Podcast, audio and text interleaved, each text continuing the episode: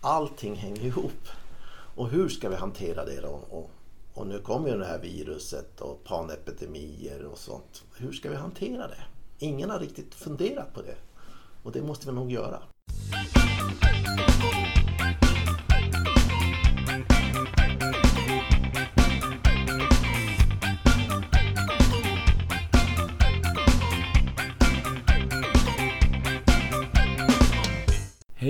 Och välkomna till Reimagine Technology, en eh, podcastserie i regi av Sofigate. Jag heter Björn Olofsson.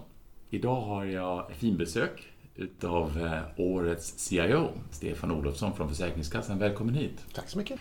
Stefan, jag hade möjligheten att vara med på CIO Awards och såg dig på scen och du såg eh, lite glad ut och lite stolt ut. Kan du berätta, varför fick ni priset?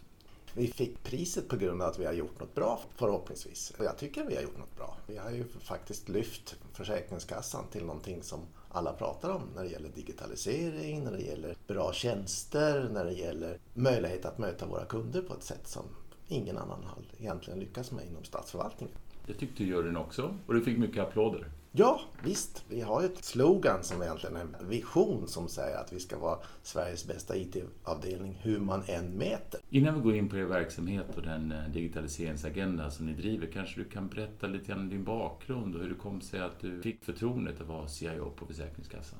Jag har jobbat inom IT-branschen ända sedan jag gick ur högskolan, eller Tekniska högskolan i Linköping, i I-linjen som det heter. Och jobbat på Capgemini först och främst i 15 år. Sluta som VD där faktiskt. En, en vice VD var det till och med.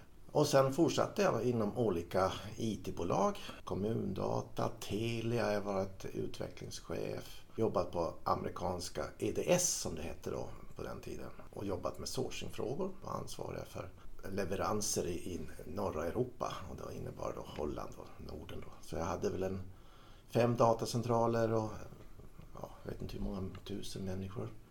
Sen började jag på ett bolag som sysslar med konsulting inom outsourcing som heter TPI som hjälpte då bolag att outsourca. Och så jobbade jag egentligen med det. Så ringde plötsligt eh, generaldirektören för Försäkringskassan och frågade om jag kunde hjälpa dem med, med ett uppdrag. Där det har gått åt fanders, rent ut sagt. Det har varit ett antal konsulter som har varit inne och försökt hjälpa dem och det hade kostat hur mycket pengar som helst. Så jag fick ett konsultuppdrag att rätta upp IT-avdelningen på Försäkringskassan. Vad kan det vara nu då? 2009. Och det var ju kanske ett halvår eller åtta månader tror jag. Och sen var vi i princip klara. Men då frågade generaldirektören vid det tillfället kan du inte nu stanna då? Och då var jag ju 55 år och tänkte okej okay då, det är det sista jag gör då så blir jag ju anställd inom staten och jag har bara varit privat hela tiden. Och det enda jag har tänkt på när man varit privat och framförallt i amerikanska bolag det har ju varit kvartalsbokslutet och eh, profit och allt sånt där.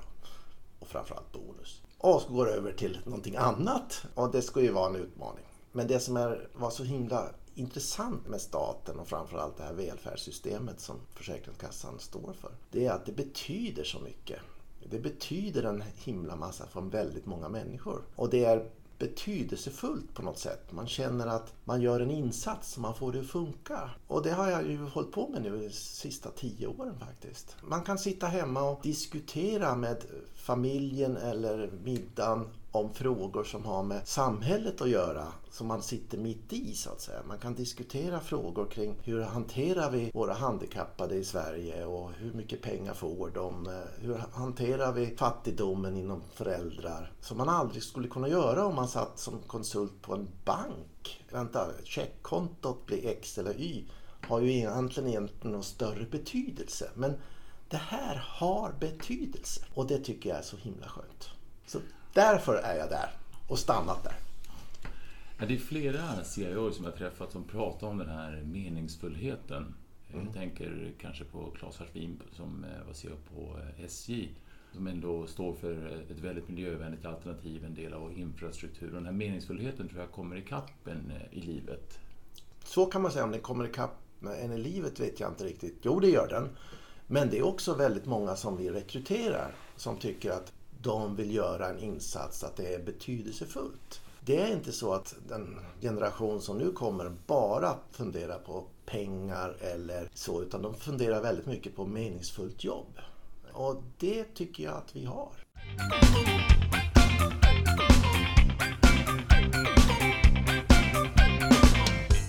Du, om vi zoomar in lite grann på er verksamhet så försökte jag läsa på lite grann och jag valde någon del när man förklarar Försäkringskassan på ett enkelt sätt. När jag läser till här så mm. tycker jag det är så, så otroligt lätt att förstå. Det handlar om att föräldrar får pengar på Försäkringskassan när de stannar mm. hemma med sina barn. Mm. Kanske vab, tror jag det kallas. Och så de som är sjuk eller skadar sig. Och sen så de som har funktionsnedsättningar. Och nu får vi lägga till den som stannar hemma på grund av att man kan besmitta någon. Mm. Får också pengar från Försäkringskassan ja. som kallas smittskyddspenning. Ja, lite preventiv. Det där låter ju jätte, jätteenkelt. Det här borde man kunna snickra ihop i en app på en vecka. Men jag vet att ni har haft en mängd olika rätt så omfattande systeminitiativ historiskt och kanske även nu. Mm. Vad är det som gör det så svårt? Det som gör det svårt i det här sammanhanget det är väl storleken.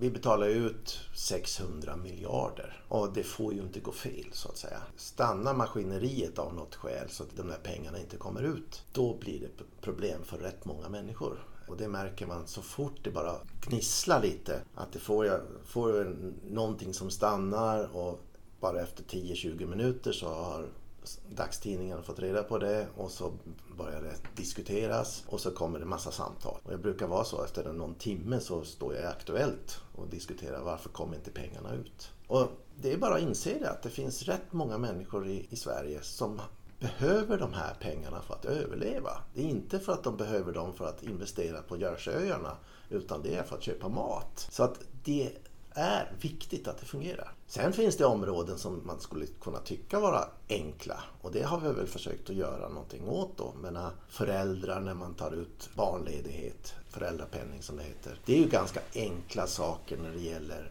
IT-mässigt. Det skulle man kunna göra med Excel. Det är ju att antal dagar man har och sen använder man upp dem och så, så är det klart mer eller mindre. Men hur mycket, mycket pengar ska du få då? då? Ja, du ska få procent av din lön och du, ja, är du hemma så får du mindre. Ja, det är rätt många lagliga krav som måste uppfyllas för att du ska få de där pengarna och dessutom hur mycket. Sen finns det områden där det är väldigt mycket svårare att göra någonting och det är saker som har med bedömning att göra. Men äh, är du sjuk så är du ju sjuk. Det är väl inte mycket mer med det. Läkaren säger att du är sjuk. Men kan du jobba? Har du brutit vänster arm och du jobbar på det här bolaget så det är väl inget problem att gå, komma tillbaka om två veckor och jobba för du är högerhänt. Men är du vänsterhänt så kanske du inte kan jobba förrän. Och det måste vi avgöra. Alltså vår arbetsförmåga. Och det är någon som måste göra det kan inte datorn göra. Så att det finns många aspekter på vad som är svårt och, och lätt och framförallt svårt och lätt inom ett IT.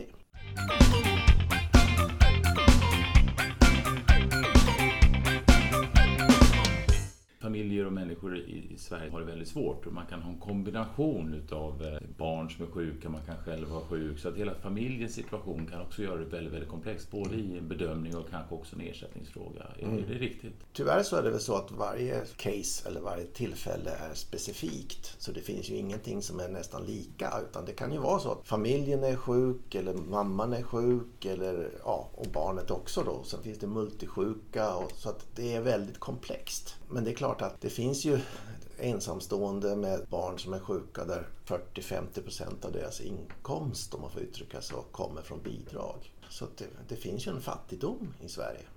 Inget snack om det. Jag läste också någonting annat här under helgen, den så kallade vitboken. Ja, just det. Jag tänkte det här måste jag läsa. För lyssnarna, kan du inte berätta vad det är och den eh, konklusion eller rekommendation ni kom fram till? Det finns ju ett problem med lagstiftningen när det gäller då GDPR och eh, den så kallade Cloud Act, framförallt i USA. Då. Lägger vi då information som har med personlig integritet att göra i molnet som framförallt då tillhör amerikanska bolag så finns det ju en misstanke, eller det finns ju en teknisk möjlighet att de kan använda den här informationen på något annat sätt än vad vi har tänkt oss. Att man kan få åtkomst till en information som vi då inte vill att man ska få. Och det är väl egentligen det som vitboken är ute efter. Att Vi har ett problem att använda framförallt amerikanska moln utan att veta var informationen finns. Och det kanske ska vara så att staten då ska tänka lite mera på var man lägger information någonstans och kanske då kommer ett, ett uttryck som vi kallar digital suveränitet. Att vi faktiskt inte lägger säkerhetsklassade eller personliga integritetsfrågor i ett moln som vi inte har kontroll över. Och egentligen så är lösningen på detta då det är att göra ett statligt moln. Och det är vi i början på. Men, men ehm, vi får se var det där slutar någonstans. Det är en väldigt svår fråga och det innebär ju egentligen att eh, den tekniska utvecklingen eh, bygger väldigt mycket idag på moln. Och kan man inte utnyttja det så kommer vi inte att bli så bra. Så att vi måste hitta en lösning, rent ut sagt. Det handlar egentligen om att värna om samhällets funktioner och säkerställa både med avseende på integritet och säkerhet att de är uppe och snurrar oavsett vad andra Precis. länder eller organisationer eller makter gör. Ja, ja, det handlar ju om det egentligen. Vi är ju väldigt sårbara, det är ingen snack om det. När någonting stannar så står vi nästan hela samhället stilla. Och hur ska vi kunna hantera detta? Men eh, i lördags så hade vi problem att komma in på internet för att DNS-servrarna på Telia inte fungerar riktigt. Vänta nu, allting hänger ihop. Och hur ska vi hantera det då? Och, och nu kommer ju det här viruset och panepidemier och sånt. Hur ska vi hantera det? Ingen har riktigt funderat på det. Och det måste vi nog göra. Så vad har du för agenda för eh, Försäkringskassan framåt ur ett digitaliseringsperspektiv? Vad ligger högst upp i din agenda nu, Stefan? Ja, det är egentligen två frågor i det. Den ena frågan är, som har kommit upp nu under de sista två åren och det är ju att Försäkringskassan har ju fått uppdrag att vara sourcing-leverantören inom staten mer eller mindre. Eller helt enkelt fått ett uppdrag att de myndigheter som känner att de inte vill lägga ut sin information eller sin IT av säkerhetsskäl framförallt på en extern leverantör ska lägga det på Försäkringskassan. Och idag då så har vi ju åtta myndigheter som, som är inne i våra maskiner då. Och vi har ju 10 000 servrar och sånt där då. Och det är klart att små myndigheter ser det här som en trygg hamn. Så vi har rätt många myndigheter 60 stycken i princip som står i kö och vill lägga sin information eller sin IT hos oss. Och det är ett uppdrag som är rätt intressant men också svårt. Väldigt svårt för vi är ju inte en leverantör av den klassen. Jag kommer ju från EDS och de var i den klassen men det är inte Försäkringskassan. Så det är ett uppdrag som är väldigt intressant som vi jobbar med nu då och hur vi nu ska hantera det. Det andra är förstås fortsätta digitaliseringen av Försäkringskassan och dess tjänster. Och där har vi väl lyckats väldigt bra på de enkla sakerna som jag sa där vi kan ha ettor och nollor. Men det är ju många förmåner som inte ens inser vad, vad den är automatiserad. Men går du till tandläkaren och så sitter du där i stolen och så när du lämnar den stolen och går ut och ska betala så har ju tandläkaren kopplat upp sig mot oss och vi har redan räknat ut hur mycket du ska betala och hur mycket staten ska betala på din räkning på den fem meters gångvägen och det är 99,3 procent automatiserat. Sen finns det andra områden där det inte går som jag sa, det är bedömningar. Och då är ju tekniken på väg åt det hållet. AI pratar jag då om. Att man skulle kunna bedöma, eller ta i varje fall hjälp att bedöma med hjälp av maskiner. Men då hamnar vi in i andra problem. Va? Men, vi kan acceptera, och det gör vi ju som människor, att ett försäkringsbolag kan säga att du är mellan 20 och 25, därför får du betala högre premie på din försäkring. Det kan vi ju inte göra inom staten bara för att du är uppfödd i ett visst område eller har, ja, så ska du ha större risk. Den kan vi ju knappast använda som grund.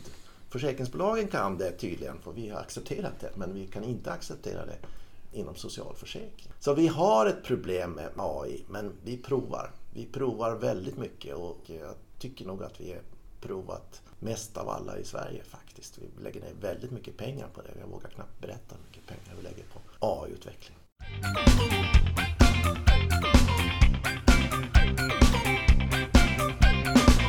Jag förstår att ni nu ska försöka hitta en gemensam lösning för det här med lagring av information och så vidare. På vilket annat sätt jobbar ni med andra myndigheter eller samhällsfunktioner och samverkar? Tänker ni mm. CIO-er? Ja, CIO-erna kanske samverkar på grund av att vi då vi träffas då. Men vi försöker ju få myndigheter att samverka. Informationen är ju digitaliserad. Men problemet är ju att få en digitalt flöde om det är något problem i kedjan.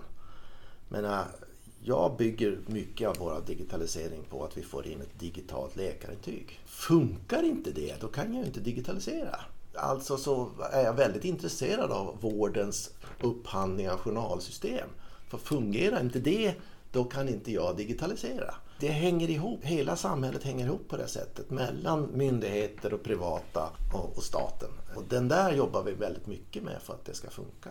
Kommuner ringer till oss och frågar om vi har betalat ut pengar till någon för att de ska kunna beräkna försörjningsstödet som de nu gör väldigt mycket. Då sa vi, nej ni behöver inte göra det utan vi kopplar upp er istället. Och så kopplar vi upp fem andra myndigheter också så de hämtar informationen digitalt. Det kostade oss 3 miljoner kanske att utveckla en sån funktion. Och kommunerna brukar säga då officiellt faktiskt att de tjänar 500 miljoner om året på grund av att det här är digitaliserat istället för att ringa. Det hänger ihop. Så att på något vis så jobbar vi väldigt mycket med att få, få samhället att hänga ihop. Vad säger vi medborgare, vi kunder, är vi nöjda? De som, som använder våra tjänster är nöjda. Framförallt familjeområdet som då är nästan helt digitaliserat. Det är nästan ingen som överhuvudtaget behöver prata med oss utan det, det går ju via mobilt bank-id och hela vägen in och ut. Sen finns det områden där det tar lite för lång tid för oss av olika skäl. Lagarna kanske inte är utformade att digitalisera. Men ah, som jag nämnde, tandvården är ju helt digitaliserad på grund av att lagen är skriven på det här sättet. Sen finns det andra områden där lagen inte är skriven på det sättet utan det är väldigt många individuella bedömningar. Och då går det inte att digitalisera på samma sätt. Så det får vi jobba med. Så att principiellt så är våra kunder nöjda med oss. Men de som då sitter och inte är våra kunder och läser tidningarna om problem som är, då blir de inte nöjda. Så att vi har ett problem i samhället att få någon slags förtroende. Och det jobbar vi hårt med, men det är svårt faktiskt. Framförallt på, ja, det är en informationsfråga. Klart att vi betalar ut 30 miljarder till de som är handikappade eller funktionshindrade. Och de får en helt annan värld. Men det är klart att det finns fusk i det där. Så fort det finns pengar inblandat så finns det ju kriminalitet. Som, och pratar vi om att betala ut 30 miljarder till en massa människor då finns det väl de som försöker ta en del av den. Och det syns i tidningen.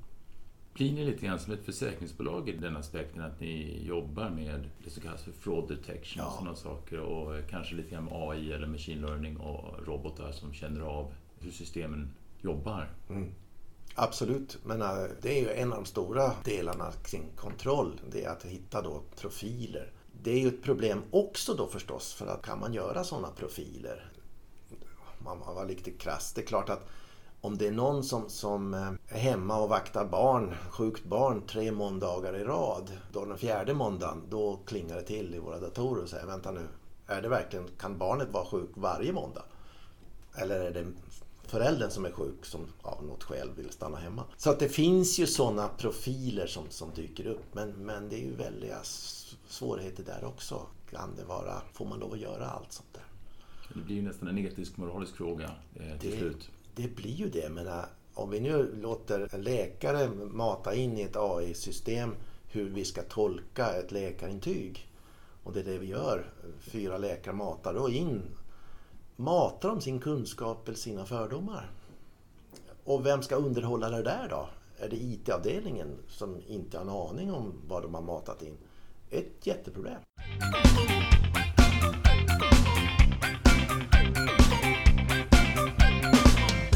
Berättade tidigare att ni hade förhållandevis lätt att rekrytera. Vad är det för människor ni rekryterar? Vilken typ av profil letar du efter? Nu är det ju ett skifte även i IT-branschen mot ny teknik. Vi är snart förbi de här systemen som förut kallas KOBO-system och annat. Utan nu är det ju ny teknik och det är en utmaning. Att hitta människor som då faktiskt har ny teknik med sig agilt synsätt, använder containerbaserade tekniker. Så därför så kör vi väldigt hårt med trainees. Vi plockar in ungefär 25 till 30 trainees om året. Två kullar, en på våren och en på hösten. Och det är ett sätt att få in ny kunskap. Kompetens och utveckling av kompetens är ett jättesvårt område. Så nu har jag om man får riktigt säga så, kräver jag att alla går 80 timmars kompetensutveckling under ett år. Annars får man ingen lönehöjning. Nej, men så, inte riktigt så är det kanske inte. Men på något vis så är det att 80 timmar måste man göra. Och det har tagits emot positivt på rätt många håll. Men det är kompetens, kompetens, kompetens som är problemet. När vi pratar om eh, dina eh, krav, hur är det som ledare? Vad är din idé? Vad är det som gör dig, i alla fall till årets CIO, men kanske också som en bra ledare? Årets CIO tycker jag baserat på vad vi åstadkom. Att Försäkringskassan har lyckats lyfta fram digitalisering på det här sättet. Sen eh, har jag ju jobbat väldigt hårt med kultur. För jag tror ju att kultur driver fram en organisation, inte bara teknisk kompetens. Jag har infört att vi till exempel har kulturchef på kassans IT. Vi har 12 personer som bara sysslar med kulturutbildning. Eh, vi jobbar väldigt hårt med Bill Schutz idéer om hur team ska fungera. Vi mäter alla teams framgångar i ett mätsystem från Susan Whelan som har då 1 till 4 och jag har 125 team varav snittet just nu ligger på 2,7. Så att för mig är människor, team, samarbete, kultur det viktiga. Inte bara ren teknik. Kanske avslutningsvis, ehm, vad har du för råd till andra CIOer? Det beror ju på vilken situation man sitter i. Sitter man som, som jag då i en myndighet så måste jag jobba väldigt mycket mer med att sälja in IT-möjligheterna till, till verksamheten. Det är verksamheten som ska använda det här men förstår de inte hur de ska använda det så blir det aldrig någonting av det. Eh, vi har haft mycket innovativa saker. Vi har en innovativ budget på ungefär 10 miljoner om året. Men hur mycket av det har faktiskt gått ut i produktion? Väldigt lite. På grund av att vi har inte sålt idéerna till verksamheten. Så att myndigheterna har svårare, tror jag, än den privata verksamheten. För där har man större drivkraft att utnyttja teknik för att få mera intäkter eller mera vinster. Jämfört med en, en myndighet som då kanske är lite mer långsam och inte kanske tar åt sig teknikens möjligheter på samma sätt. Så det beror lite grann på var man sitter någonstans men generellt sett så tycker jag ju att IT-chefens uppgift är att sälja möjligheterna att vara där ute i verksamheten och tala om vad som är möjligt. Sen är det upp till dem att ta det men sälj, sälj, sälj och sen försöka då förstås att, att leverera. En eh, IT-chef som sitter på sin kammare och administrerar IT-avdelningen tror jag inte har så stor framgång. Utan ska man göra någonting med IT så ska man vara säljinriktad och tala om vad som finns. Stefan, tusen tack för att du ville komma hit och grattis än en gång. Tack så mycket.